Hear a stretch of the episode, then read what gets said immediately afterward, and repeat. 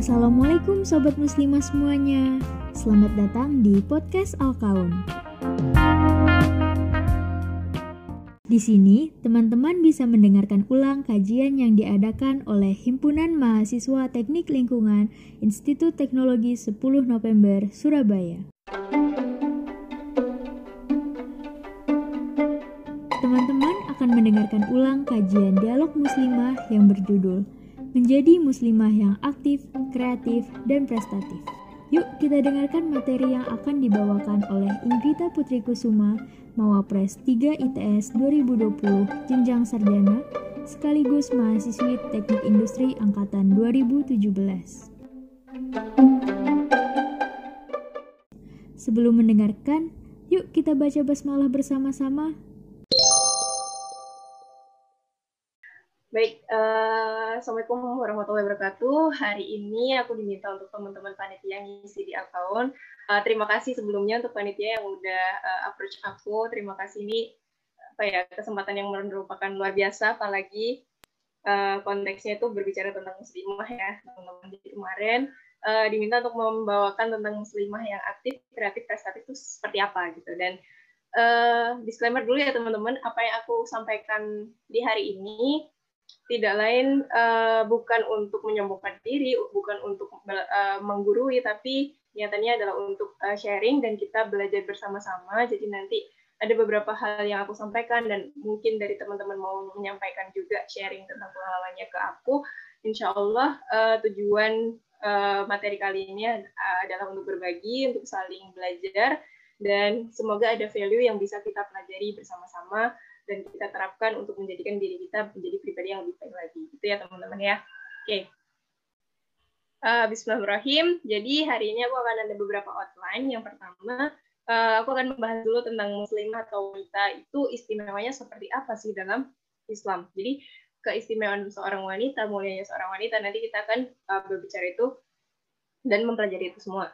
Dan yang kedua tentang aktif, kreatif, dan prestatif. Mana sih yang sebenarnya harus kita pilih, mana sih yang harus sebenarnya didahulukan, dan bagaimana caranya. Oke, dan yang ketiga itu tentang tata cara saya.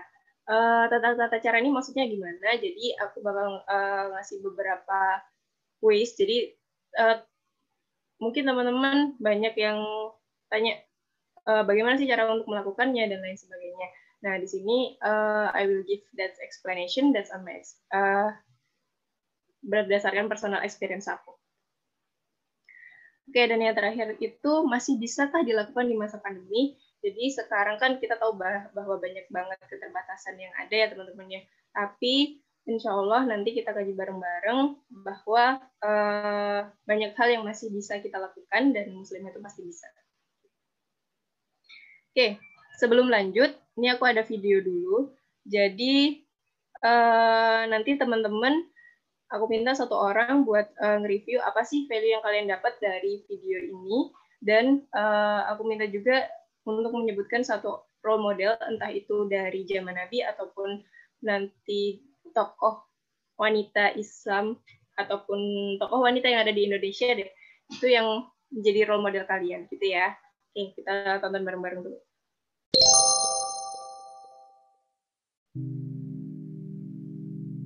Aminah binti Wahab ibunda Rasulullah. Ibunda Rasulullah Muhammad Shallallahu Alaihi Wasallam yang diutus Allah sebagai rahmat seluruh alam. Cukuplah baginya kemuliaan dan kebanggaan yang tidak dapat dipungkiri bahwa Allah Subhanahu wa taala memilihnya sebagai ibu seorang rasul mulia dan nabi yang terakhir. Uh, mohon maaf, ini suaranya masuk, teman-teman? Masuk, Mbak. Jelas. Okay. Ya, aku lanjutkan ya. Iya Mbak. Wanita dalam Islam sehingga di dalam Al-Quran ada surah Anisa atau wanita. Selain itu ada beberapa surah terkait wanita seperti surat Maryam. Padahal Maryam bukan nabi atau rasul pada masa itu. Selain itu, Umar bin Khattab memerintahkan kepada wanita agar mempelajari surat An-Nur atau cahaya karena di dalamnya terdapat pelajaran bagi wanita agar tetap bercahaya. Di hadapan Allah kedudukan pria dengan wanita sama. Yang membedakannya hanyalah ketakwaan.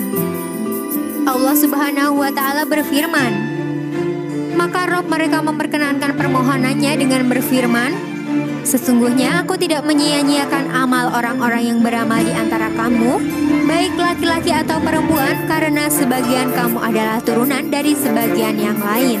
Quran Surat Ali Imran ayat 195 Dan inilah wanita hebat dan tangguh di sekitar Rasulullah Shallallahu Alaihi Wasallam. Namun sebelum lanjut, mari bersama tebar syiar dengan cara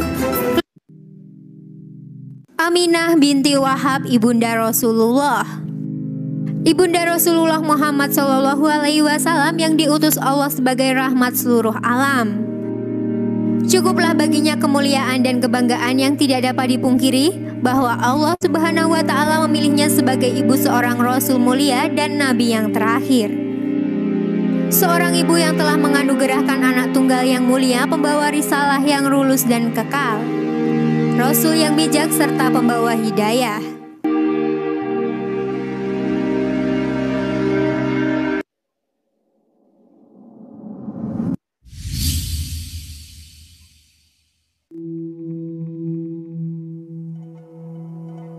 Khadijah binti Khuwailid istri pertama Rasulullah.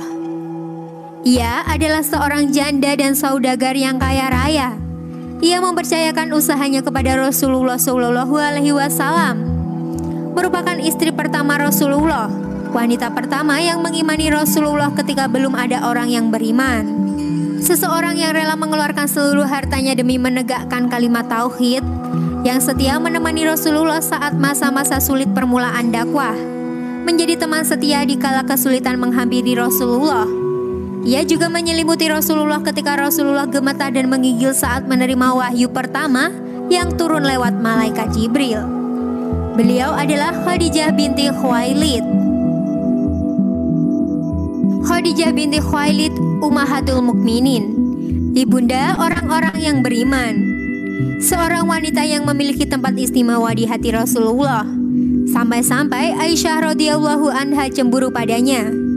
Dalam hadis Rasulullah Shallallahu Alaihi Wasallam bersabda, Allah tidak pernah memberiku pengganti yang lebih baik daripada Khadijah. Ia yang beriman kepadaku ketika semua ingkar. Ia yang mempercayaiku ketika semua orang mendustakanku. Ia yang memberiku harta ketika semua orang enggan memberi. Dan darinya Allah memberiku keturunan. Sesuatu yang tidak dia anugerahkan dari istri-istriku yang lain. Hadis riwayat Ahmad.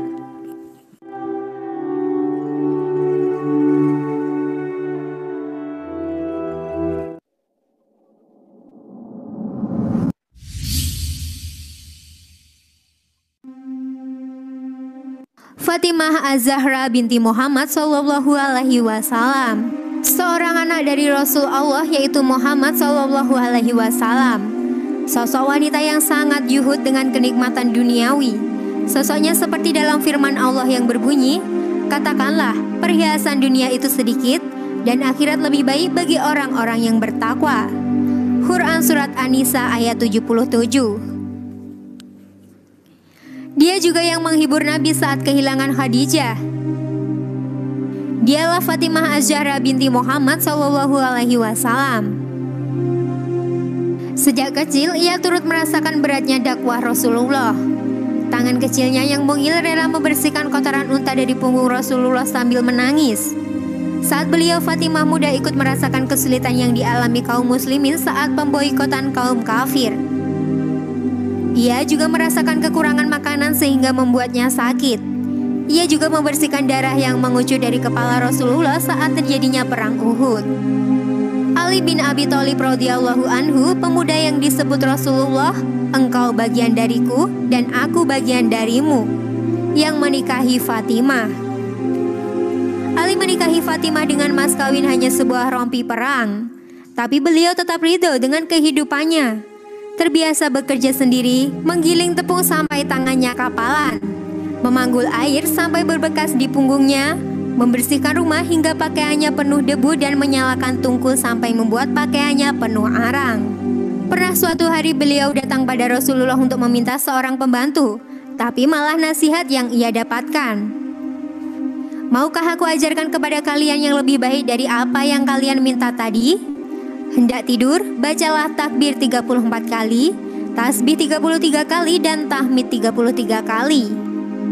Ini lebih baik dari seorang pembantu, tutur Rasulullah. Fatimah, pemimpin wanita sedunia, menerima dengan lapang hati, tetap bersyukur kepada Allah dengan kehidupannya yang sangat sederhana.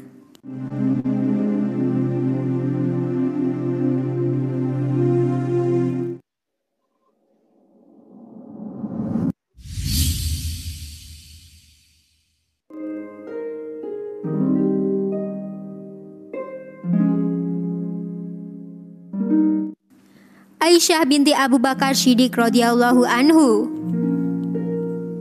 Siapa yang tidak kenal sosoknya? Beliau salah satu istri kesayangan Rasulullah Shallallahu alaihi wasallam.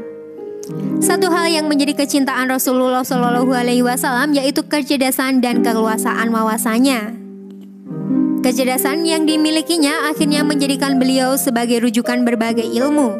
Salah satunya sebagai perawai hadis. Dialah Aisyah radhiyallahu anha binti Abu Bakar Ashidik. Aisyah merupakan sosok yang menyenangkan karena kecerdasannya dan kelincahannya. Ia sering mendampingi Rasulullah saat perang. Ketika Rasulullah Shallallahu Alaihi Wasallam sakit sekembalinya dari haji wada dan merasa bahwa ajalnya sudah dekat, beliau lalu berkeliling kepada istri-istrinya sebagaimana biasa. Pada saat membagi jatah giliran kepada istri-istrinya itu, beliau selalu bertanya, "Di mana saya besok? Di mana saya lusa?" Ini mengisyaratkan bahwa beliau beliau sukai selama sakit. Sehingga mereka semuanya berkata, "Ya Rasulullah, kami rela memberikan jatah giliran kami kepada Aisyah." Dan akhirnya Rasul meninggal dalam dekapan Aisyah. Ketika tiba hari-hariku beliau diwafatkan oleh Allah ketika sedang rebah di antara dada dan leherku, kemudian beliau dimakamkan di dalam rumahku. Hadis riwayat Bukhari.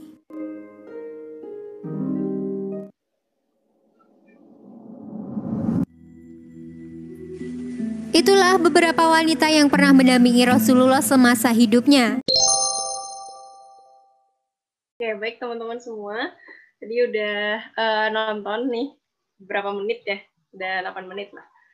Aku minta satu orang dong buat ini. Insight apa sih yang kalian dapat dari video tadi? Sama sebutkan satu role model kalian bebas itu siapa pun. Uh, satu role model wanita ya. Dan sebutkan alasannya. Mungkin dari panitia bisa dibantu. Siapa? Ada yang raise hand atau langsung unmute juga hmm, mungkin untuk peserta yang mau mereview bisa langsung uh, unmute saja. Uh, di sini sudah ada Mbak. Uh, silakan okay. untuk sahabat muslimah Syaifil Arista. Ya, silakan. Ya, selamat pagi Mbak Ingrita. Assalamualaikum warahmatullahi wabarakatuh. Selamat pagi, Waalaikumsalam warahmatullahi wabarakatuh. Uh, videonya bagus banget Mbak. Uh, aku barusan sampai kayak mau nangis gitu saking terharunya. Apalagi pas bagian waktu uh, ketika Nabi Muhammad bilang kalau gak ada istri-istri yang kayak Hatijah itu benar-benar kayak aku tuh bisa ngerasain cemburunya Aisyah waktu itu gimana. Yeah. Jadi uh, kalau menurut aku dari video ini tuh uh, nunjukin kalau wanita itu memang bisa eksis. Dari zaman Nabi pun wanita itu bisa eksis.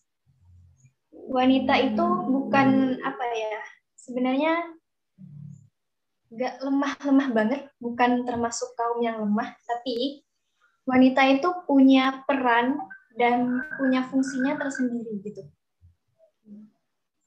Uh, contohnya aja kayak Fatimah yang sama sama Rasulullah memang Fatimah nggak pernah dididik manja ya. Sampai walaupun minta pembantu pun sama Rasulullah nggak nggak dikasih malah dikasih nasihat. Berarti di situ uh, Rasulullah mengajarkan kalau uh, wanita itu harus menjadi wanita yang kuat yang tegar yang teguh yang yang multitasking yang bisa melakukan apa aja gitu Gak ada larangan buat wanita itu cuman kayak diem di rumah, gak ngelakuin apa-apa, semua yang ngelakuin itu pembantu, ada yang ngelakuin ini itu enggak, tapi wanita itu emang kayak dituntut harus bisa kreatif, harus bisa mandiri, nggak tergantung sama orang lain. Gitu Mbak. Ya, luar biasa sekali. Terima kasih Mbak Syaifil. Kalau uh, ini boleh menyebutkan satu role modelnya dan alasannya? Satu role model wanita? Yang uh, kalau saya lebih ke Aisyah, Mbak. Oh, ya. Aisyah ya. Luar biasa. Oke, terima kasih, Mbak. Oke, Mbak. Sharing. Oke, teman-teman semua. Uh, tadi aku juga akhirnya belajar juga dari apa yang disampaikan sama Mbak Syaifil tadi. Uh, kita juga belajar bareng-bareng dari video tadi bahwa semenjak zaman Nabi pun sebenarnya wanita itu mempunyai peran tersendiri, yaitu uh, entah itu mereka uh, berperan untuk apa ya istilahnya dalam keluarganya atau berperan membantu dalam perang. Jadi sebenarnya banyak sekali peran peran-peran wanita Islam di zaman Nabi dulu yang sebenarnya tidak hanya empat tadi teman-teman. Jadi ada banyak wanita hebat yang ada di zaman Nabi dan hal ini sebenarnya berkaitan dengan saat dulu sebelum Islam datang ke uh, di saat saat dulu sebelum Islam datang itu posisi wanita itu bahkan banyak yang direnggut haknya. Jadi banyak sekali bayi-bayi kalau teman-teman baca tentang cerita Islam di zaman dahulu banyak sekali bayi-bayi wanita itu yang akhirnya mereka tidak diinginkan gitu karena mereka seorang wanita dan akhirnya dibunuh gitu. Nah, dengan kedatangan Islam yang benar-benar uh, mereka ini memuliakan seorang wanita, mengistimewakan wanita. Jadinya Islam ini uh, apa ya mengajarkan ajaran-ajaran yang mana hal itu akhirnya eksistensi wanita itu bisa hadir di situ bahwa menggarisbawahi bahwa wanita itu mempunyai peran tersendiri dan tadi juga disebutkan bahwa sebenarnya kedudukan seorang wanita dan seorang laki-laki di mata Allah itu sama. Yang membedakan adalah amal solehnya. Ya teman-teman. Nah, sebelum kita bahas lebih lanjut, apa sih peran kita? Tadi kalau kita lihat di video itu, uh, perannya kan uh, tentang berbakti kepada uh, suaminya, berbakti pada Rasul, membantu dakwah Islam, dan lain-lain sebagainya. Tapi kan ada hal-hal yang memang tidak terjadi di dunia saat ini, itu udah berbeda gitu udah berbeda dengan keadaan di zaman Rasul dulu gitu. Jadi apa sih yang bisa kita lakukan? Tapi sebelum kita bahas lebih lanjut tentang itu kita bahas dulu nih istimewanya seorang muslimah dalam Islam itu seperti apa aja. Itu ya teman-teman ya? Oke. Jadi di sini teman-teman aku sudah berusaha merangkum ada delapan poin tentang keistimewaan muslimah di mata Islam. Itu yang pertama langsung aja ya. Yang pertama wanita solehah itu dipandang sebagai perhiasan di dunia. Nah Islam itu menempatkan wanita sebagai makhluk yang sangat-sangat mulia, yang harus dijaga, yang diibaratkan sebagai perhiasan loh teman-teman. Jadi kalau kita pikir, pasti kalau kita punya perhiasan, pasti kan kita rawat, kita jaga, bahkan kalau kita bawa tuh kita hati-hati, sangat hati-hati gitu. Kalau sampai diambil orang, kita pasti sangat khawatir kan itu karena sesuatu yang sangat berharga sama dengan seorang wanita di dalam Islam. Bahkan sebuah hadis kalau teman-teman familiar itu udah menyebutkan dunia adalah perhiasan dan sebaik-baiknya perhiasan yang ada di dunia adalah istri yang solehah atau wanita yang solehah. Ini hadis riwayat Muslim dari Abdullah bin Amr ya. Kalau teman-teman bayangin sebegitunya loh Allah itu menjaga seorang wanita bahkan diibaratkan sebagai sebuah perhiasan dunia. Yang kedua, wanita itu adalah karunia bukan musibah. Maksudnya apa gitu? Nah, Islam ini memandang wanita sebagai karunia dari Allah Subhanahu wa taala. Jadi memang benar ada beberapa hal yang dititipkan sebagai kepada seorang wanita, contohnya yang mungkin tidak banyak dimiliki seorang pria gitu kayak hati yang lapang, cinta, kasih sayang, ketulusan.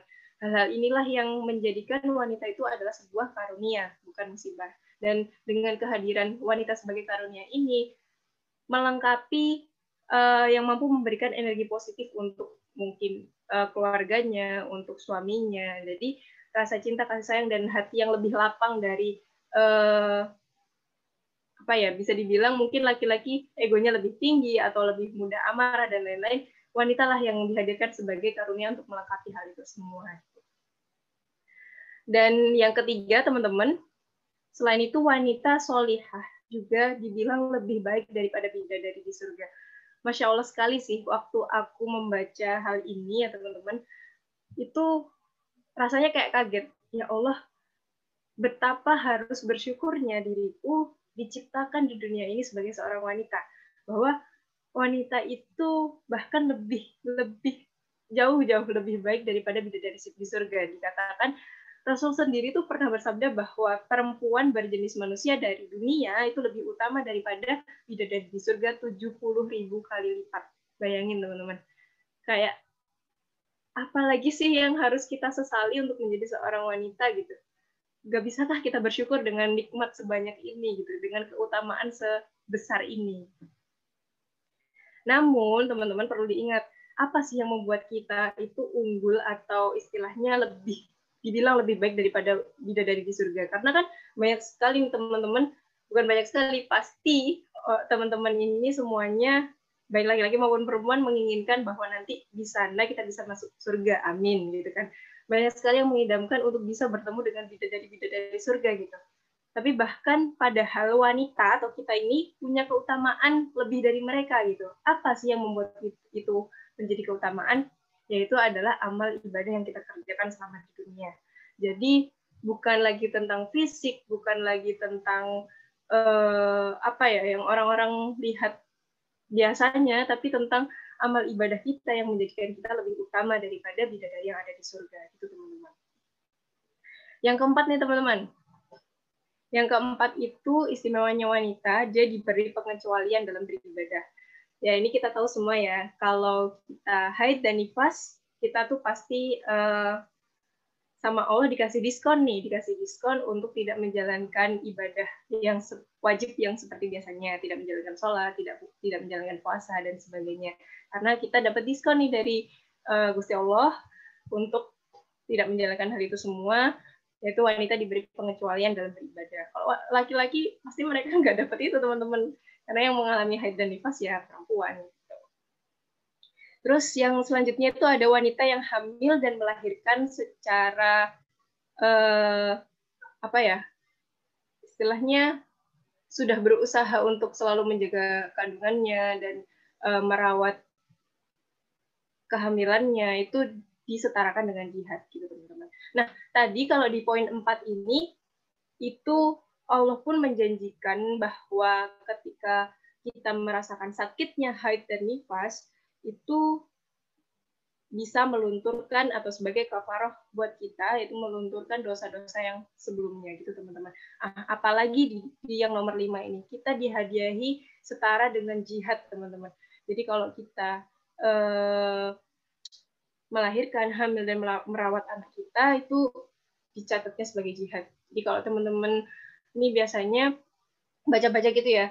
Ada ada tujuh golongan mati syahid selain berperang di jalan Allah. Ya di antaranya itu karena mati karena tahun terus uh, mati karena tenggelam terus ada mati karena penyakit di dalam perutnya ada uh, mati karena terbakar mati karena apa namanya tertimpa benda keras dan salah satunya itu adalah wanita yang hamil dan juga uh, ataupun meninggal sementara ada janin di dalam kandungannya itu digolongkan sebagai mati syahid. Luar biasa sekali betapa mulianya dan dispesialkannya wanita ini oleh Allah Subhanahu wa taala. Jadi kita harus benar-benar bersyukur ya teman-teman. Karena di sini semuanya alhamdulillah semuanya muslimah ya.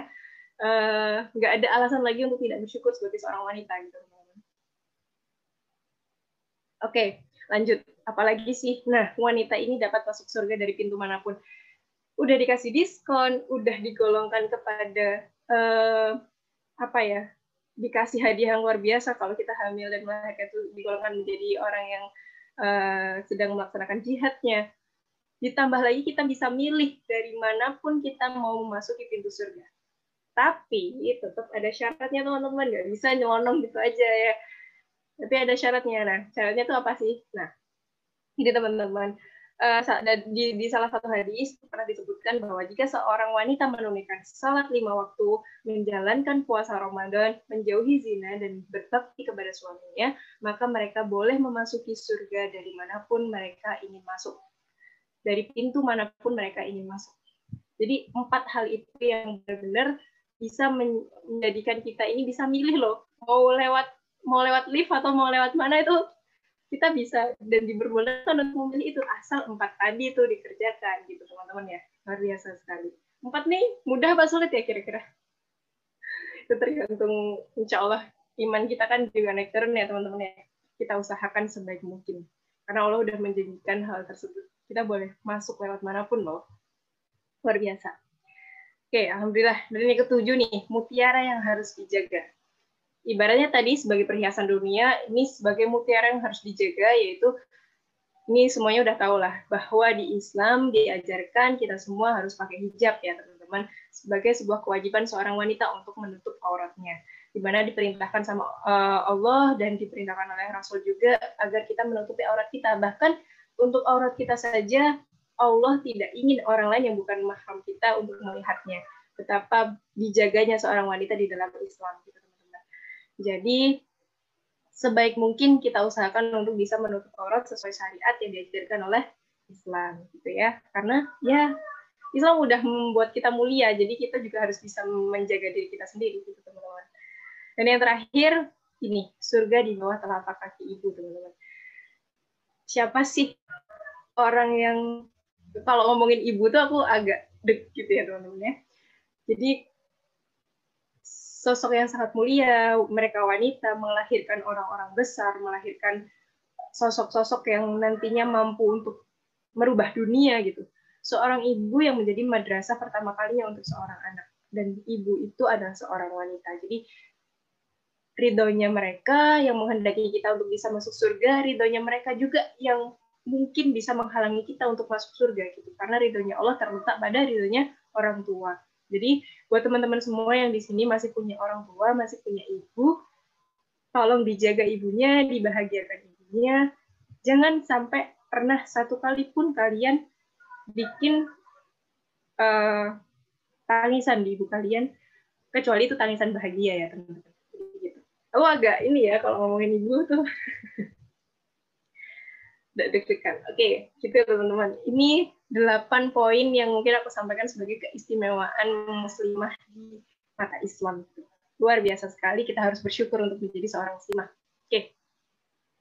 Ya teman-teman, ini ada satu kutipan yang aku kutip dari anonim. Sebenarnya aku menemukan di uh, internet ya teman-teman, tapi ini cukup menggugah hati ya. Wanita muslimah itu menggunakan mulutnya untuk mengatakan kebenaran, suaranya untuk kebaikan, telinganya untuk kelas asih, dan hatinya untuk mencintai mereka yang tidak menyukainya. Jadi apa pun yang terjadi kepada seorang muslimah, muslimah yang solehah itu selalu lapang dada untuk menerima segalanya karena dia tahu. Halo, Assalamualaikum teman-teman. Ya, Waalaikumsalam, Mbak.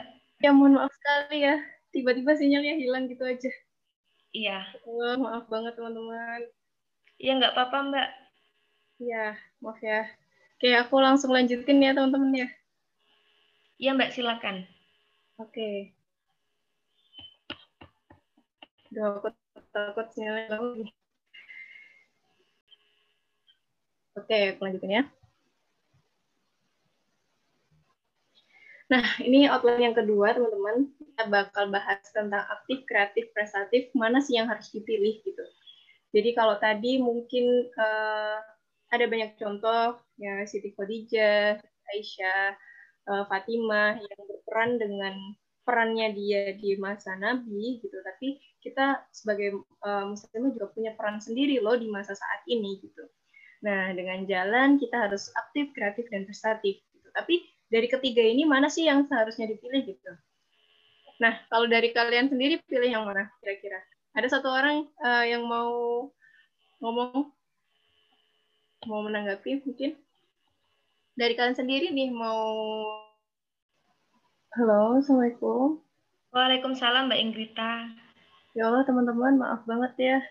Ini soalnya di luar kendali aku juga. Tiba-tiba kayak gini. Ya Mbak mungkin uh, bis, kalau memang nggak kuat bisa dibantu dari panitia. Mungkin Mbak share screen-nya. Oke, bisa bisa. Insya Allah bisa. Tapi memang aku takutnya nanti aku nge-lag gitu sih. Halo, suaraku masih masuk? Masih jelas Mbak. Ya mungkin aku percepat aja ya daripada tadi keburu putus lagi. Oke, gini teman-teman. Jadi, ini aku sambil was-was nih sebenarnya. Kalau tadi langsung aja ya, uh, kalau kita disuruh dihadapkan sama pilihan, kita tuh mau pilih yang mana antara aktif, uh, kreatif atau prestatif gitu. Aktif ini kalau dari aku sendiri, kita nggak bisa milih gitu antara ketiganya. Tiga ini harus jalan semuanya gitu. Nggak cuma aktif, kita juga harus kreatif gitu Nah, sedangkan kalau prestatifnya ini itu sebenarnya adalah impact dari kreatif dan aktif gitu teman-teman. Jadi sebenarnya tiga ini berhubungan gitu. Nah, aktif ini kalau aku sendiri aku artikan sebagai tidak berdiam diri atau kita tuh mau gerak, mau kerja, ada fungsi yang kita jalankan gitu. Sebagai seorang muslimah kita fungsinya apa sih? Tugas dan kewajiban kita tuh apa sih sebagai seorang muslimah ya? Di situ kita harus benar-benar menjalankannya gitu untuk menjadi seorang muslimah yang aktif. Yang kedua tentang kreatif. Nah, kreatif ini punya daya cipta. Terkadang ada hal-hal yang uh, sering dipandang sebelah mata sama orang di luar sana, tapi kita tuh uh, bisa merubah itu sebagai sesuatu yang punya banyak nilai gunanya gitu. Nah, itu yang aku artikan sebagai kreatif gitu. Dan yang terakhir itu ada prestatif yang aku bilang sebagai uh, sebuah impact dari aktif maupun kreatif, yaitu menghasilkan prestasi dan uh, karya kita itu diakui di suatu komunitas atau skop tertentu yaitu yang menjadikan kita itu punya apa ya istilahnya disebut prestatif tuh karena itu gitu kita punya karya dan karya itu diakui gitu baratnya kalau ada lomba dan kita jadi juara berarti kan karya kita tuh diakui sebagai karya yang terbaik gitu dan hal itu yang menjadikan kita uh, prestatif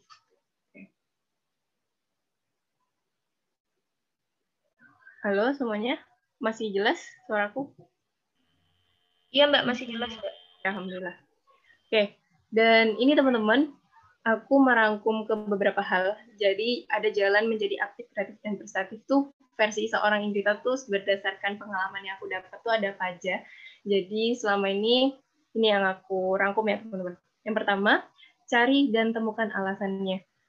Banyak banget aku dapat curhatan dari teman-teman atau yang sharing-sharing ke aku gitu, yang baik yang kenal maupun nggak kenal, itu mereka bilang kayak, gimana sih caranya bisa aktif dan lain-lain kok aku gabut banget di awal kita tuh harus nentuin dulu teman-teman hidup kita tuh sebenarnya untuk apa? Kamu tuh mau hidup buat apa gitu? Buat senang-senang doang kah? Buat buat ngejar bener-bener ngejar ridho Allah kah? Atau kamu pengen hidup tuh ya, ya udah coba-coba aja gitu. Itu harus ditentukan dulu kita hidup sebenarnya untuk apa. Kalau kamu udah tahu visi kamu udah tahu goals kamu untuk selanjutnya kamu bakal tahu apa yang harus kamu lakukan Nah, uh, untuk tahap selanjutnya nih, ketika kamu udah tahu, oh hidupku tuh untuk ini loh sebenarnya gitu.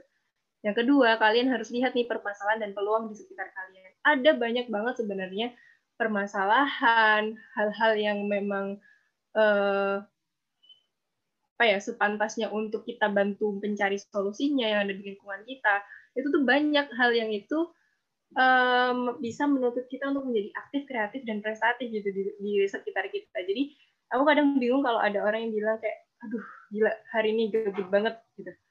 Ya ya nggak apa-apa wajar. Gabut tuh karena mungkin kalian oh aku pengen lazy time lah gitu. Tapi coba dilihat sekitar kalian masih ada banyak sekali loh permasalahan yang terjadi gitu. Kayak kok bisa kita kok bisa hati kita nggak tergerak sama sekali atau kita santai-santai dengan adanya banyaknya permasalahan di sekitar kita gitu. Itu yang perlu dipertanyakan sih. Kalau insya Allah kalau muslimah-muslimah yang hadir di sini insya Allah nggak seperti itu ya. Kita pasti tahu kayak oh kita kita loh ada ada keinginan untuk membantu A membantu B membantu C gitu. Insya Allah. Amin. Terus eh, berikutnya adalah sesuaikan dengan potensi di kita. Nah kalau kita udah tahu nih, oh ada masalah di sini dan aku bisa membantu. Kalau itu sesuai dengan potensi dan mungkin ilmu atau pengalaman yang pernah kita punya, jika kamu lakukan itu semua dengan yang kamu suka, hasilnya akan semakin luar biasa. Contohnya ya, Ini Alkaun nih kan LDJ-nya teknik lingkungan ya. Nah, di di apa di teknik sistem dan industri juga belajar nih dikit-dikit tentang lingkungan gitu. Nah, mungkin nih contohnya sesuaikan dengan potensi diri itu apa? Banyak sekali di Indonesia tuh masih uh, banyak permasalahan sampah ya. Di teknik lingkungan aku yakin kalian belajar tentang pengelolaan sampah mulai dari ilmu yang paling uh, dasar tentang reduce, reuse, recycle maupun ilmu tentang LCA, life cycle assessment. Entah itu kalian mau mengkaji itu dengan si Mapro, software ini, software itu untuk membantu dan menyelesaikan solusi uh, dan memberikan solusi permasalahan yang ada di lingkungan kalian ya itulah teman-teman yang menjadikan kalian bisa aktif, kreatif, dan prestatif tuh di situ gitu. Kalian sesuaikan dengan potensi diri kalian, apa yang kalian punya selama ini, pengetahuan apa yang kalian miliki, itu yang akan membantu kalian untuk bisa mencapai menjadi muslimah aktif, kreatif, dan prestatif. Dan insya Allah kalian teman-teman dari akun ini semuanya insya Allah aku, aku yakin kalian bisa. Uh, dan yang terakhir ini menurut aku, mau mencoba untuk memulai ini yang sering menjadi sering banget menjadi uh, penyakit ya teman-teman ya. Karena selain kalian bilang pada aku gabut nih gabut guys nggak tahu mau ngapain gitu gitu kan.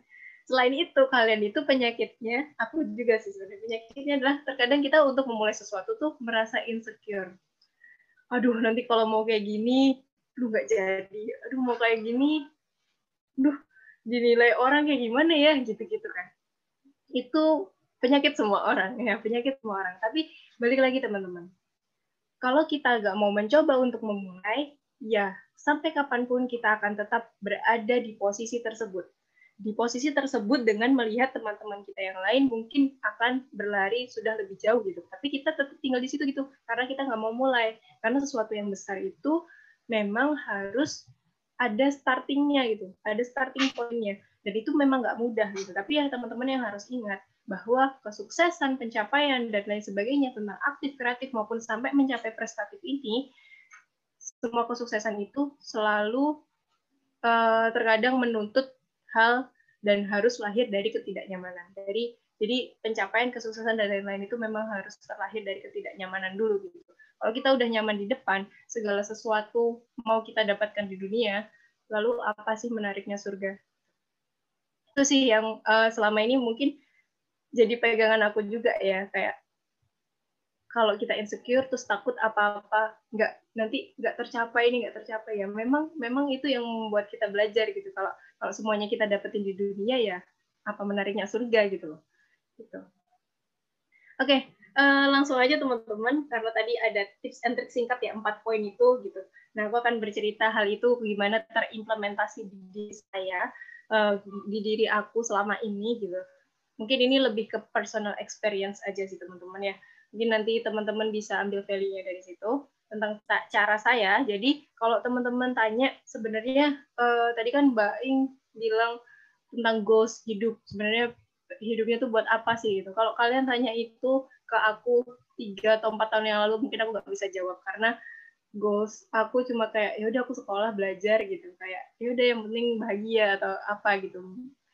Tapi sekarang tuh alhamdulillahnya dengan berbagai pengalaman experience yang mungkin aku dapetin aku bisa jawab gitu akhirnya hidupku tuh sebenarnya tujuannya buat apa gitu.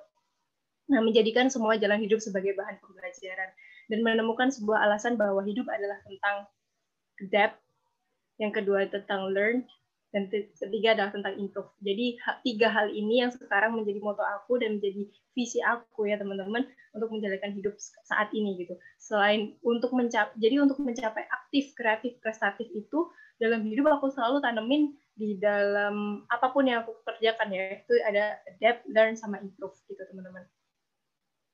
Nah, dari adapt, learn, improve ini, aku tahu bahwa setiap hal yang aku temui itu hal baru, aku harus bisa beradaptasi di situ gitu. Kalau teman-teman sekarang mungkin ada yang mahasiswa baru di sini ya, kalian harus beradaptasi loh dengan lingkungan kampus yang udah tidak lagi sama dengan SMA gitu. Kalau kalian uh, di situ ditawari dengan adanya wadah pengembangan yang banyak, misal kayak ada UKM dan lain-lain, ya udah ikut aja aktif di dalam situ sesuai dengan dengan potensi diri kalian kalau misal kalian belum mendapatkan hasil atau misal kalian ikut lomba dan gagal, yaitu memang tempatnya kita untuk belajar. Nah, saatnya di stage learn, kalian bisa belajar dari apa aja sih dari kegagalan itu tadi gitu.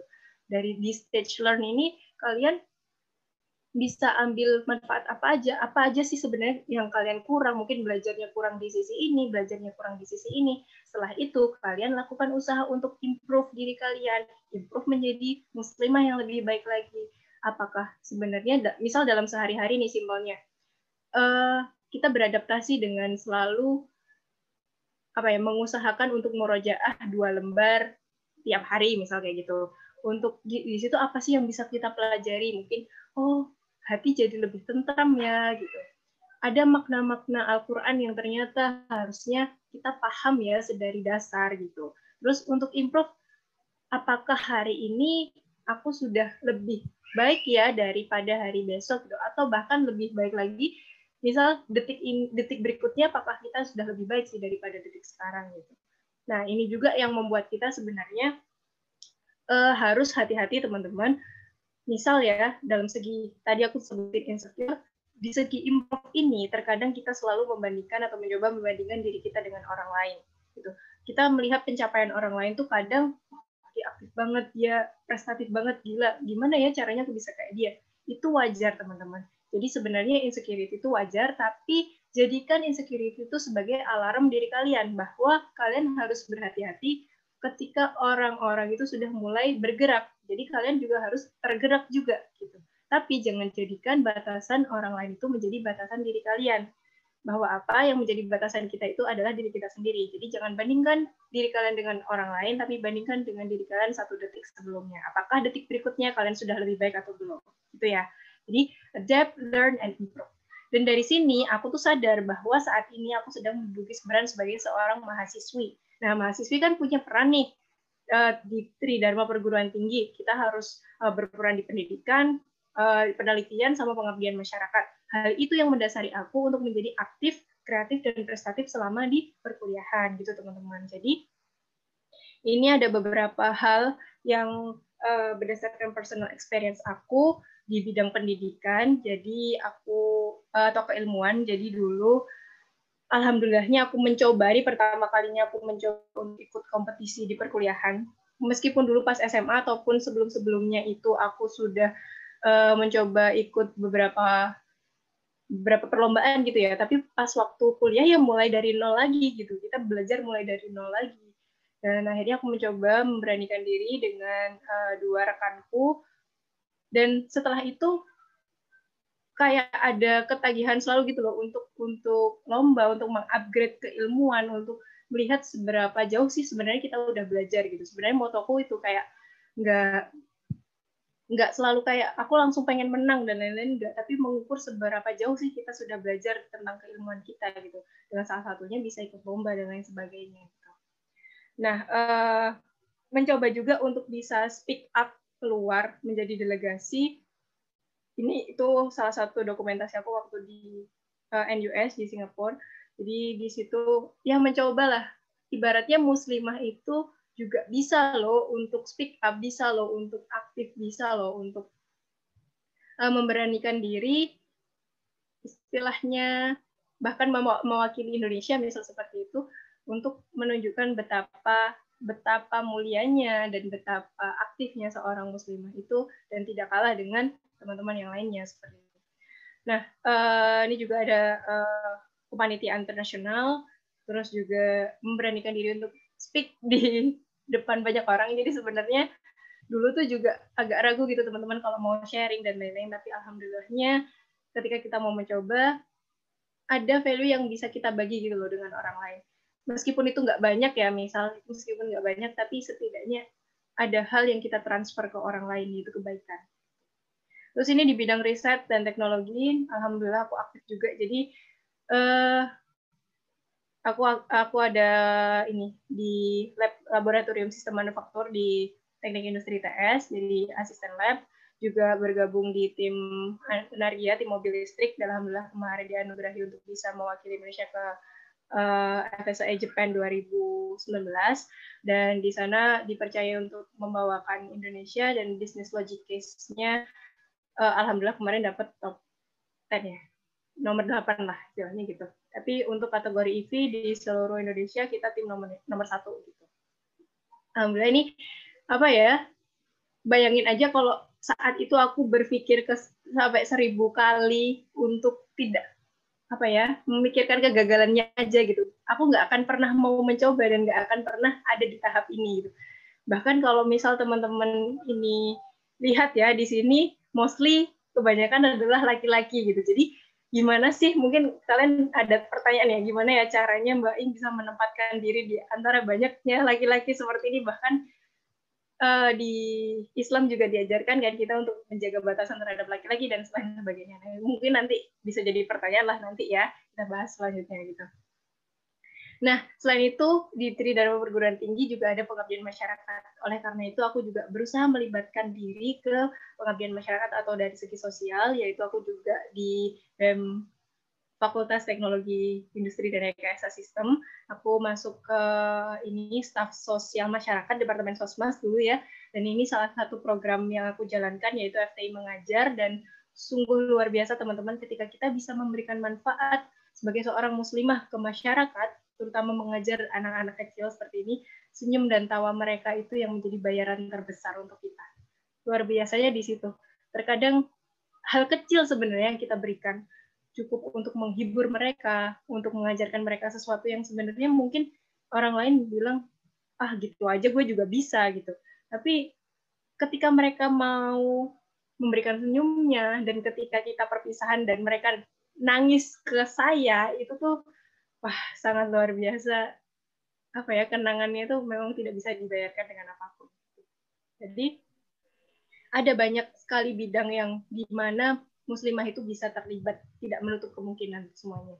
Dan ini yang terakhir, fitrah saya sebagai seorang muslimah tetap melibatkan diri ke JMMI. Kemarin aku menjadi bagian dari JMMI juga di PKP LDJ dan menjadi bagian dari LDJ aku sendiri di Hublo dan media.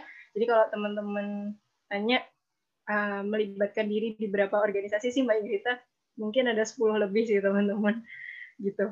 Uh, insya Allah kalau seorang Ingrita bisa, teman-teman di sini semua muslimah yang ada di sini juga bisa untuk melakukannya, itu teman-teman ya. Dan apakah di masa pandemi ini masih bisa untuk menjalankannya? Saya yakin bisa. Permisi Mbak, uh, mungkin waktunya empat menit lagi, ya tiga menit lagi begitu ya? Ya, insya Allah uh, di sini selesai kok. Oke, ya, terima kasih. percepat ya. Nah, ini uh, contohnya di masa pandemi yang masih bisa kita lakukan, kita tahu bahwa virtual itu kadang memudahkan, kadang menyulitkan juga. Tapi banyak sekali yang masih bisa kita lakukan. Contohnya uh, bersedekah lewat virtual money atau membantu teman-teman yang sekarang kan banyak sekali ya uh, innalillahi wa di Indonesia banyak terjadi bencana dan itu kesempatan kita juga sebenarnya untuk membantu mereka yang berkesusahan. Uh, selain itu berbagi makanan bisa loh lewat on online sekarang bisa loh uh, berbagi dengan teman yang membutuhkan dan lain-lain itu lebih mudah lah lewat online gitu. Terus yang terakhir bisa juga berkreasi makanan di rumah yang suka masak nih. Jadi nggak perlu nggak nggak harus kalian melibatkan diri ke organisasi, aktif di organisasi dan lain-lain. Nggak cuma itu gitu, tapi dengan jalan kalian punya potensi, misal bisa masak, terus di share nih resepnya di media sosial dengan seperti itu kalian tuh sudah aktif gitu sudah aktif sebagai seorang muslimah dengan tetap menjalankan perannya gitu. oke ini uh, sedikit sedikit hal uh, di, aktif di masa pandemi ala saya alhamdulillahnya saya masih tergabung di beberapa bidang jadi ada dua bisnis yang saya jalankan. Yang pertama itu S Energi dan yang kedua uh, yang pertama startup S Energi dan yang kedua bisnis clothing saya Grita Muara. Saya juga masih menjabat di Kementerian Ekonomi Kreatif di BEM ITS dan juga masih menjadi aspek di laboratorium sistem manufaktur dan yang terakhir kemarin alhamdulillah bergabung juga untuk membentuk yang namanya organisasi non profit yang ingin membumikan Al-Qur'an teman-teman dan menyebarluaskan manfaat dan semangat kebaikan yaitu namanya pegang Quran. Jadi teman-teman bisa cek di Instagram namanya pegang Quran dan kalau misal mau ikut webinarnya kita kadang uh, kemarin sudah menjalankan webinar pertama nanti kalau teman-teman mau ikut yang nextnya bisa banget langsung uh, dicek aja di Instagramnya ya. Jadi ini beberapa konten pegang Quran yang selama ini udah kita susun. Jadi uh, kita kerjasama uh, juga dengan beberapa teman-teman DKV ITS ya. Jadi kita usahakan visualnya itu lebih cheerful, lebih ke seperti milenial dan gitu-gitu.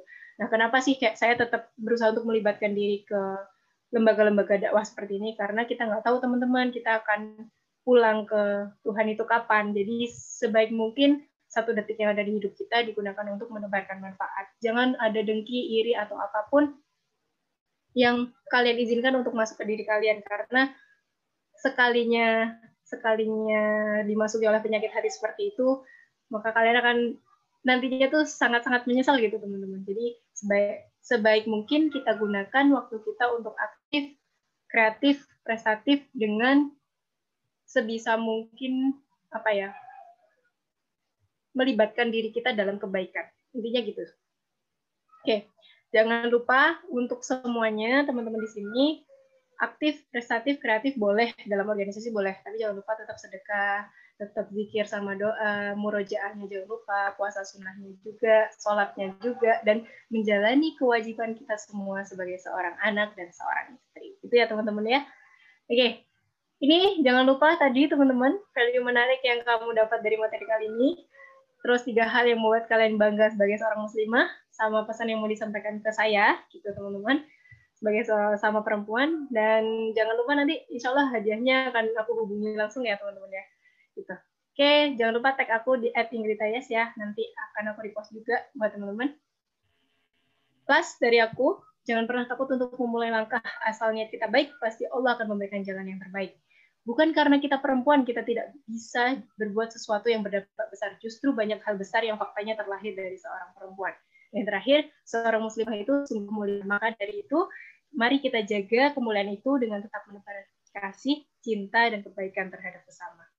Wassalamualaikum warahmatullahi wabarakatuh. Semoga teman-teman bisa mengambil banyak manfaat dari apa yang saya sampaikan di hari ini. Terima kasih untuk panitia dan semua peserta. Waalaikumsalam warahmatullahi wabarakatuh. Terima kasih kepada Mbak Ingrita ya. Uh, materinya sangat-sangat menginsight kita semua, apalagi uh, di masa pandemi dengan tema yang harus uh, kreatif, prestatif, dan aktif begitu ya. Uh, terima kasih. Halo, ya sama-sama. Alhamdulillah. Uh, semoga materi yang telah disampaikan itu bermanfaat ya bagi kita semua dan semoga kita bisa mengamalkan apa-apa saja yang telah disampaikan tadi kepada baik dari Mbak Ingrita gitu kan ya baik dari sedekah dan lain-lain gitu. Dan menjadi orang yang lebih baik pastinya uh, untuk ke depannya amin. Uh, baik uh, sekarang kini kita buka sesi tanya jawab nih. Silakan teman-teman yang ingin bertanya tentang materi ataupun seputar pemateri uh, silakan disampaikan dengan fitur raise hand atau kolom chat yang tersedia ya uh, di sini sudah ada mbak dari uh, sahabat muslimah yaitu Dian Rizkiani. Silakan. Baik, Bismillahirrahmanirrahim. Terima kasih kesempatannya. Uh, Assalamualaikum warahmatullahi wabarakatuh. Waalaikumsalam warahmatullahi uh, makasih, makasih Mbak. Materinya menarik sekali dan bermanfaat sekali. Uh, mungkin uh, aku punya beberapa pertanyaan. Pertanyaan pertama, tadi kalau nggak salah, um, mbaknya itu nyebutin uh, organisasi yang Mbak ikutin itu kurang lebih 10 ya. Itu cara ngatur waktu tidur, kuliah, sama sholatnya itu gimana? Kan kadang kalau ngikut rapat, ih so, udah sholat nih, sholat dulu apa rapat dulu nih? Terus pertanyaan yang kedua, tadi kalau nggak salah lihat, itu Mbak ikut lomba yang banyak uh, lingkupannya itu banyak banget cowok. Cara Mbaknya membatasi diri Mbak untuk circle itu gimana? Terima kasih. Ini boleh langsung dijawab, Mbak Nanda? Oh, boleh Mbak. Silakan dijawab. Langsung jawab. Yang pertama tentang waktu ya. Ini pertanyaan ke seribu kayaknya ya, kalau untuk saya. Banyak banget yang nanya tentang ini. Makasih Mbak Dian. Sebelumnya pertanyaannya ya, langsung aku jawab aja. Nah, sebenarnya kalau tentang waktu, gimana cara menyeimbangkan sebenarnya tentang sholat dan lain-lain juga. Gitu. Sejauh ini, yang saya terapkan adalah gimana cara kita untuk bisa menginfluence organisasi, bukan kita yang terinfluence dengan batasan di organisasi. Uh, lebih lebih tepatnya gini. Contoh ya, aku langsung kasih contoh Rio. Aku setelah setelah misal setelah di lab harus langsung ke bengkelnya Energia untuk menja, menja, apa ya mengerjakan yang ada di sana untuk persiapan lomba misal gitu ya. Dan itu bertabrakan dengan waktu sholat misalnya gitu. Nah, gimana nih harus ke sana dulu atau sholat dulu? Terutama aku ke ke mana pun itu selalu menanamkan sebelum pergi ke mana pun harus melaksanakan sholat dulu kalau udah masuk waktu sholatnya. Itu benar-benar aku pegang dari dulu ya, di mana pun. Dan insya Allah di organisasi pun itu pasti tahu dan pasti menghargai kalau misal kita mau sholat dulu. Dan apa yang aku bilang menginfluence organisasi tadi, jadi di Energia ini, alhamdulillahnya kemarin ya secara apa ya kita kita berusaha untuk membawa nilai-nilai Islam tapi tetap dalam batasan santuy gitu. Maksudnya gini, contohnya ya, ayo gimana kalau misal kita batasin waktunya gitu. Kita batasin waktu sampai segini sampai segini, kita sholatnya juga bareng-bareng. Dan alhamdulillah kemarin cara yang aku bawa juga diterima gitu sama teman-teman di organisasiku. Jadi pas waktu misal waktu sholat ya semua kerjaan di bengkel di di di apa namanya diberhentikan dan kita sholatnya juga bareng-bareng berangkat itu juga bareng-bareng jadi kalau misal teman-teman dulu sempat pernah lihat kayak misal ada rombongan ke Manarul Ilmi atau atau rombongan ke masjid yang sebelah ke putih itu itu tuh anak-anak energi teman-teman. Jadi kayak kita udah sepakat jam segini uh, harus kalau azan ya kita berangkat semuanya gitu. Nanti jam segini kembali kerja lagi gitu. Jadi gimana tergantung cara kita untuk jangan terinfluence dengan budaya organisasi yang nggak baik tapi gimana cara kita menginfluence hal-hal yang baik ke organisasi kita. Kayak gitu.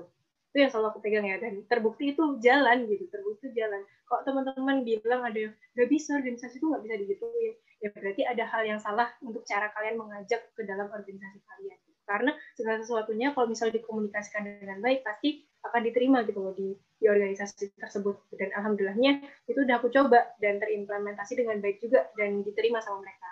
Itu alhamdulillah untuk kalau untuk sholat nggak ada masalah nih mbak Dian karena mereka semuanya yang non muslim pun juga menghargai. Dan biasanya nih kadang yang non muslim juga ikut ikut ini ikut rombongan untuk sholat dan mereka yang jagain sepedanya setelah itu kita makan malam bareng gitu. Jadi kalau di bengkel tuh biasanya kita uh, sholat maghrib gitu bareng-bareng.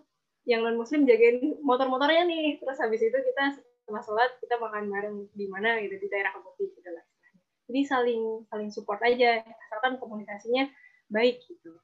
Terus kalau misal misal nih dihadapkan di keadaan harus rapat atau harus sholat, aku pasti milih harus sholat dulu. Karena segala sesuatu kalau misalnya kita mendahulukan Allah, pasti apa pun yang kita tinggalkan karena Allah akan digantikan dengan hal yang lebih baik sama Allah juga. Itu sih yang selalu aku pegang dan alhamdulillahnya jalan dan gak ada yang marah juga kalau kita telat karena sholat gitu loh.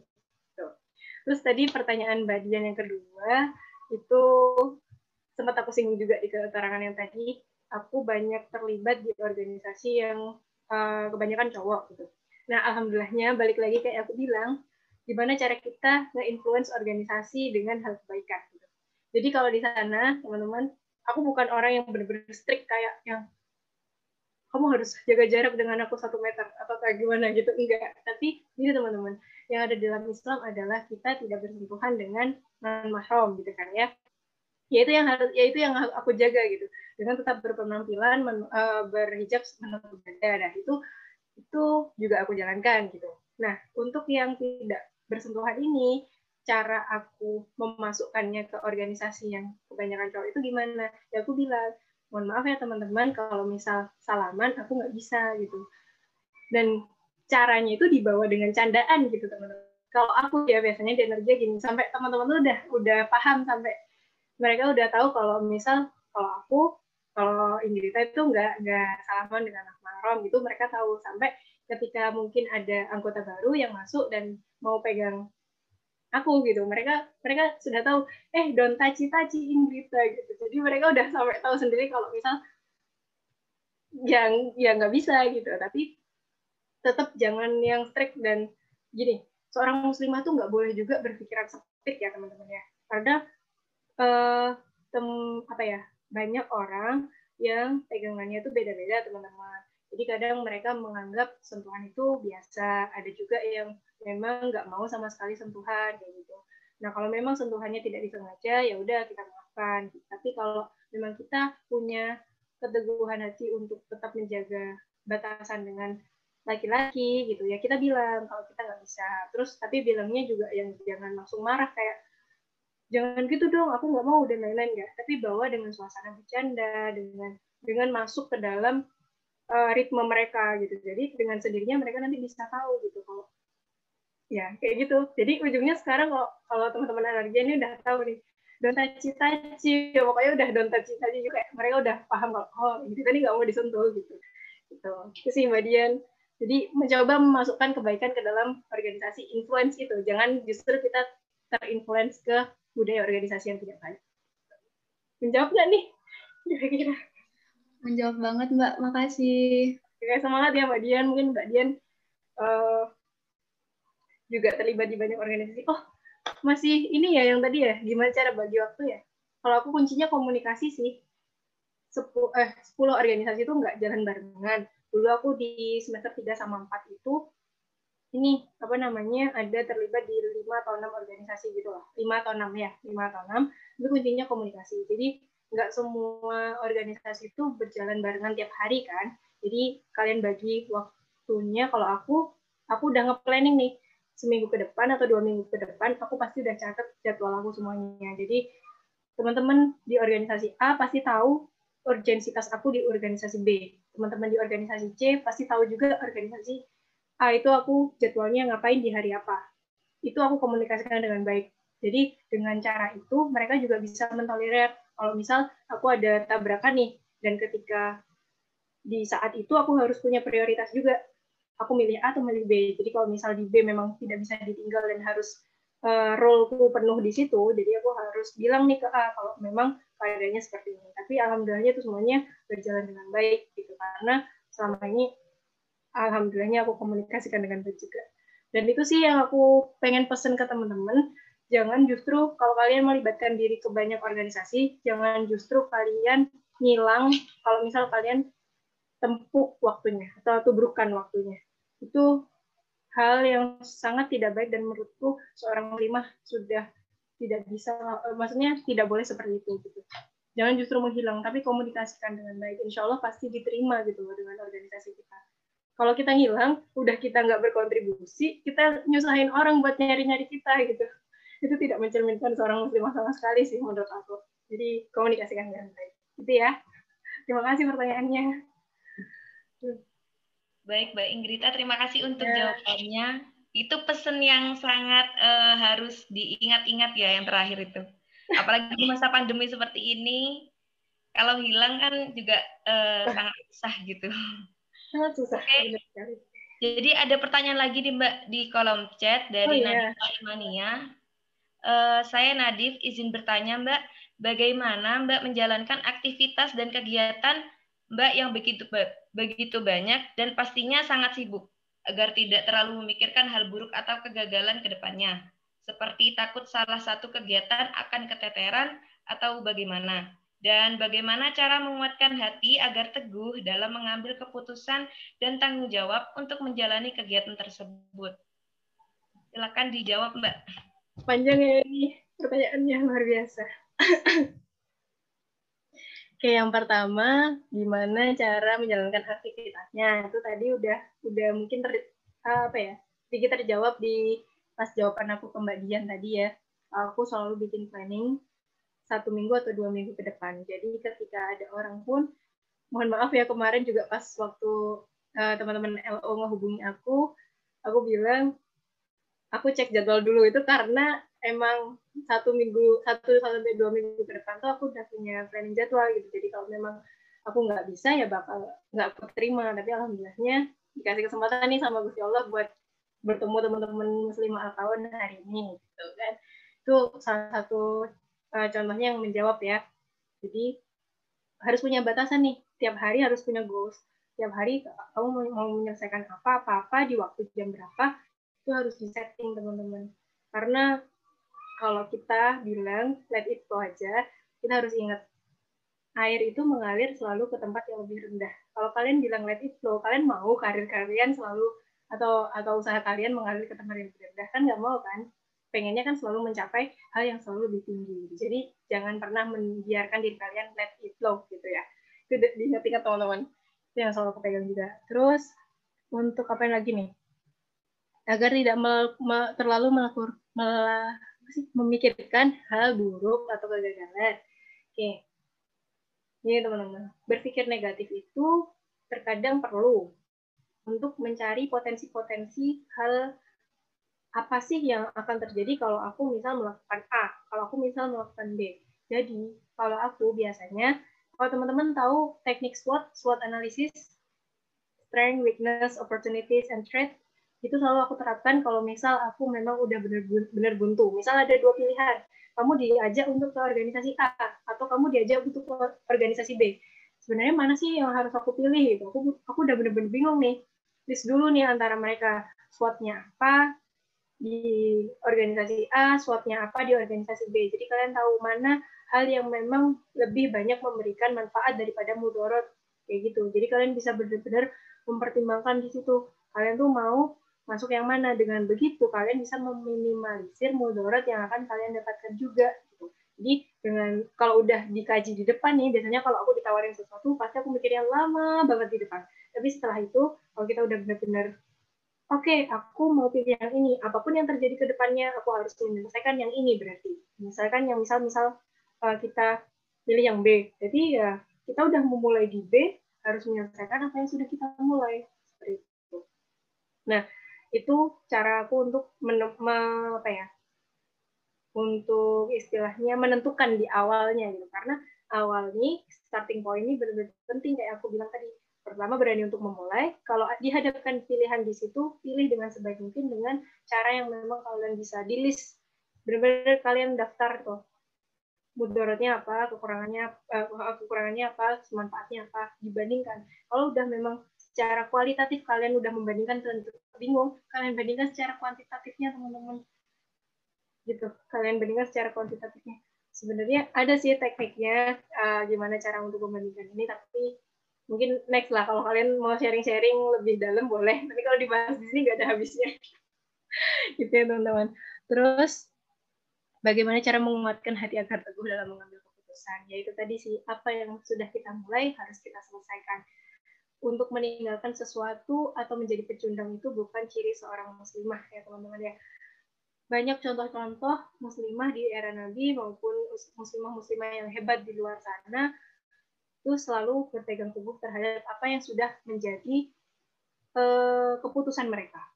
Jadi sudah selayaknya juga kita tetap menjaga hal tersebut. Dan kita harus tetap selalu ingat bahwa terkadang gini, aku selalu merasa capek itu kan wajar ya di dalam kita menjalankan sebuah kegiatan. Tapi balik lagi, yang udah kita mulai harus diselesaikan dan ingat bahwa Allah tuh nggak pernah memberikan cobaan uh, melampaui batas yang bisa uh, kita usahakan gitu kan. Yang bisa hambanya usahakan. Dan selain itu Allah tuh nggak bakal mengubah nasib suatu kaum jika kita nggak berusaha untuk mengubahnya. Itu benar-benar mungkin udah banyak nih diucapin oleh banyak orang gitu. Tapi untuk implementasi di diri kita memang agak sulit. Tapi kalau memang itu benar-benar kita pegang dari awal niat kita udah kokoh sebaik apa pun kita udah menjalankan dan sebaik niat yang kita udah tanamkan di awal, insya Allah Tuhan akan ngasih jalan yang terbaik buat kita juga. Itu sih yang selalu aku pegang sama ini. Pasti Allah akan ngasih ngasih jalan aja kalau kita niatnya baik, gitu. apalagi untuk niat membantu orang dan menyebarkan manfaat lainnya. Gitu teman-teman. Ya, terima kasih atas jawabannya Mbak Ingrita, apakah sudah ya, cukup menjawab untuk uh, pertanyaan dari sahabat Nadif? Ya, terima kasih Mbak. Ya, sama-sama. Uh, sebenarnya saya ada pertanyaan ini Mbak. Buat oh Mbak ya, boleh, boleh. Uh, saya lihat di CV Mbak itu yang bawa ada itu moto hidup Mbak yang mengambil dari kutipan uh, almarhum B.J. Habibie atau bagaimana ya Mbak? Dan gini, uh, tadi juga Mbak ada beberapa di uh, materi yang ketiga tentang cara Mbak itu gimana yang ada tiga poin tentang adapt, learn, sama improve. Itu bagaimana Mbak menemukan hal itu sampai menjadi suatu pendirian gitu ya buat diri Mbak? Apakah merenung dahulu sampai menemukan atau mencari inspirasi dari orang lain yang Mbak menemukan itu gitu. Terima kasih Mbak. Oke. Kalau di CV tadi nemu aja ya Mbak ini. Kelihatan ya.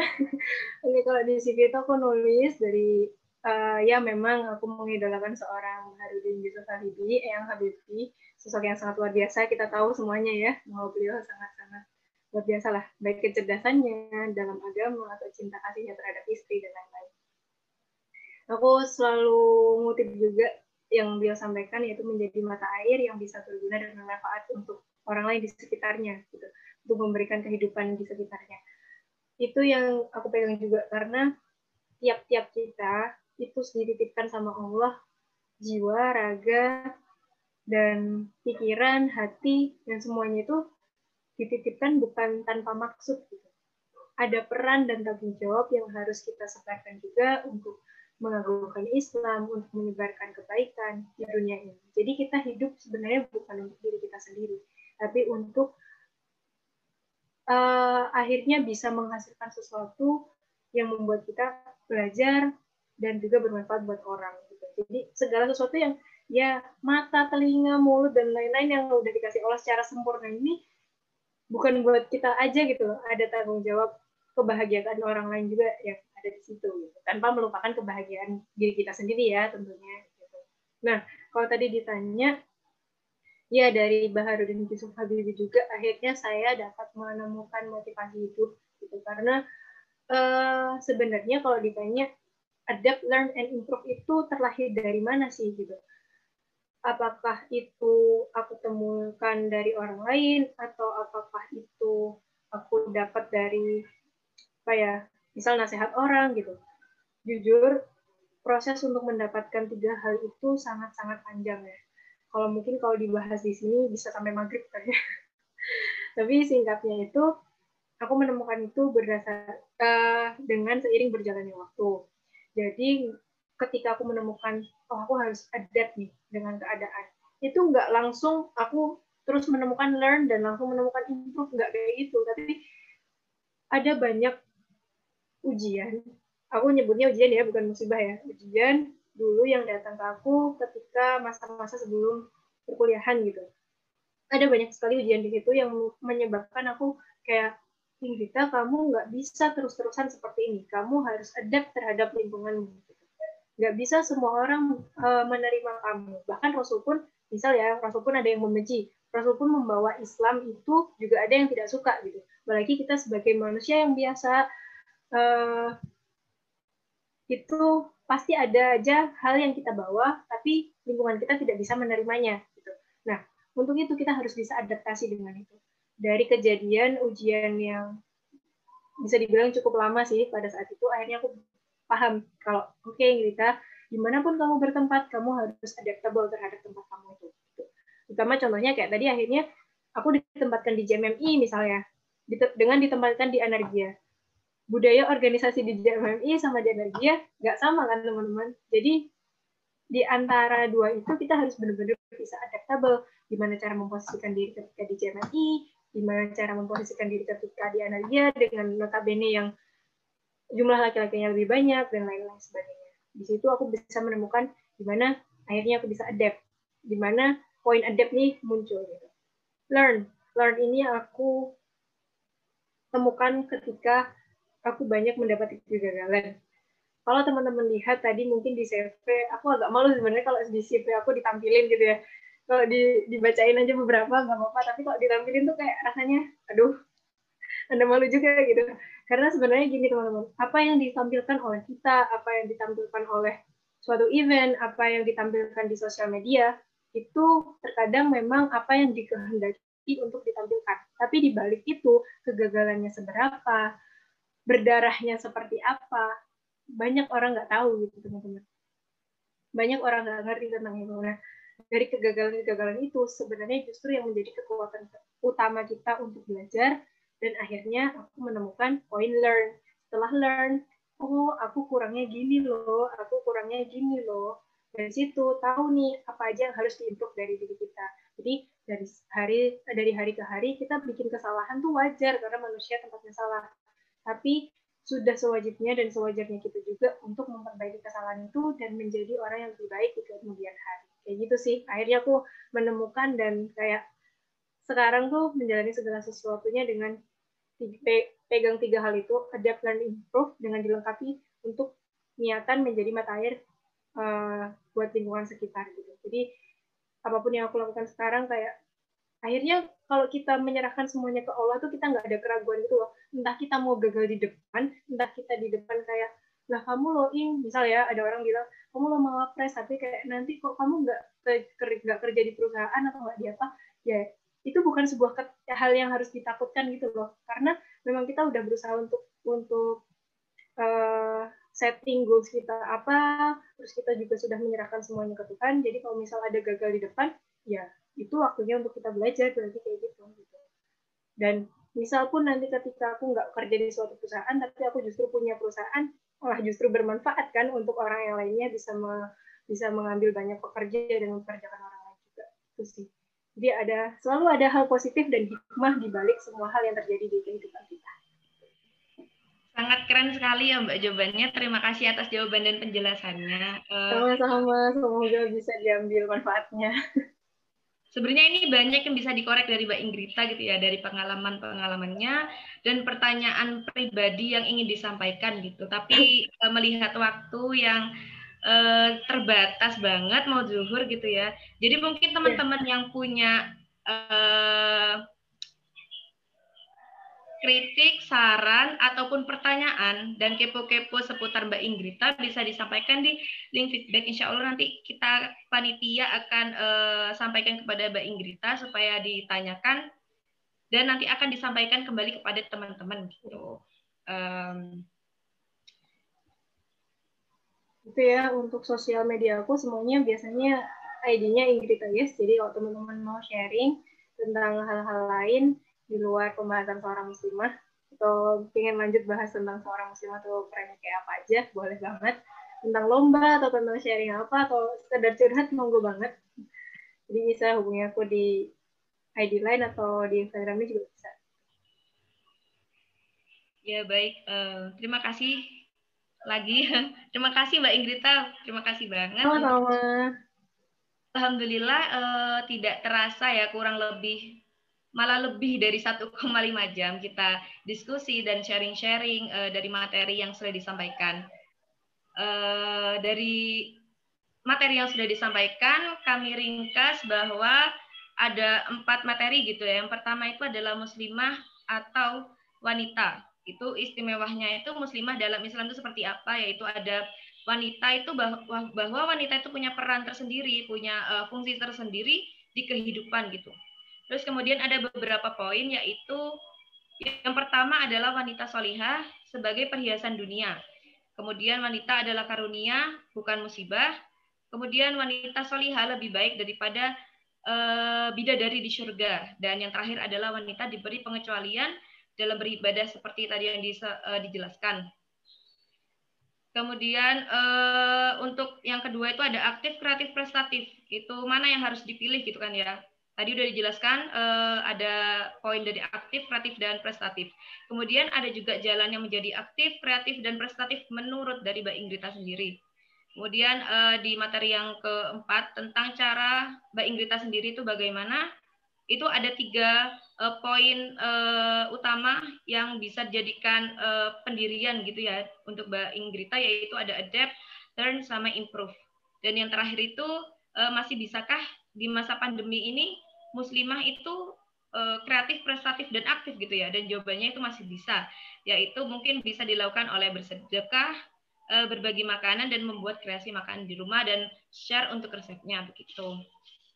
Uh, Jazakillah, matur, uh, terima kasih banyak kepada Mbak Ingrita yang sudah membagi ilmu dan uh, insight-nya.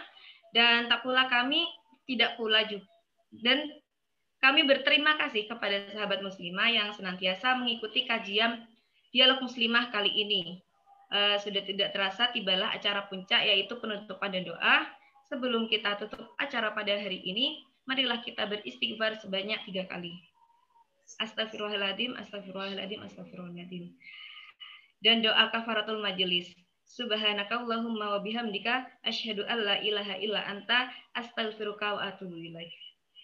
Marilah kita tutup bersama-sama acara pada hari ini dengan mengucapkan hamdalah. Alhamdulillahirabbil alamin. Saya selaku pembawa acara eh, mohon maaf jika ada salah-salah kata ataupun kalimat yang kurang berkenan di hati teman-teman sekalian. Eh, jika ada kebenaran adalah hak Allah, datangnya dari hak Allah, dan jika ada salah datangnya dari diri saya sendiri. Kurang lebihnya saya mohon maaf. Takabbalallahu minna minkum taqabbal ya karim. Wassalamualaikum warahmatullahi wabarakatuh.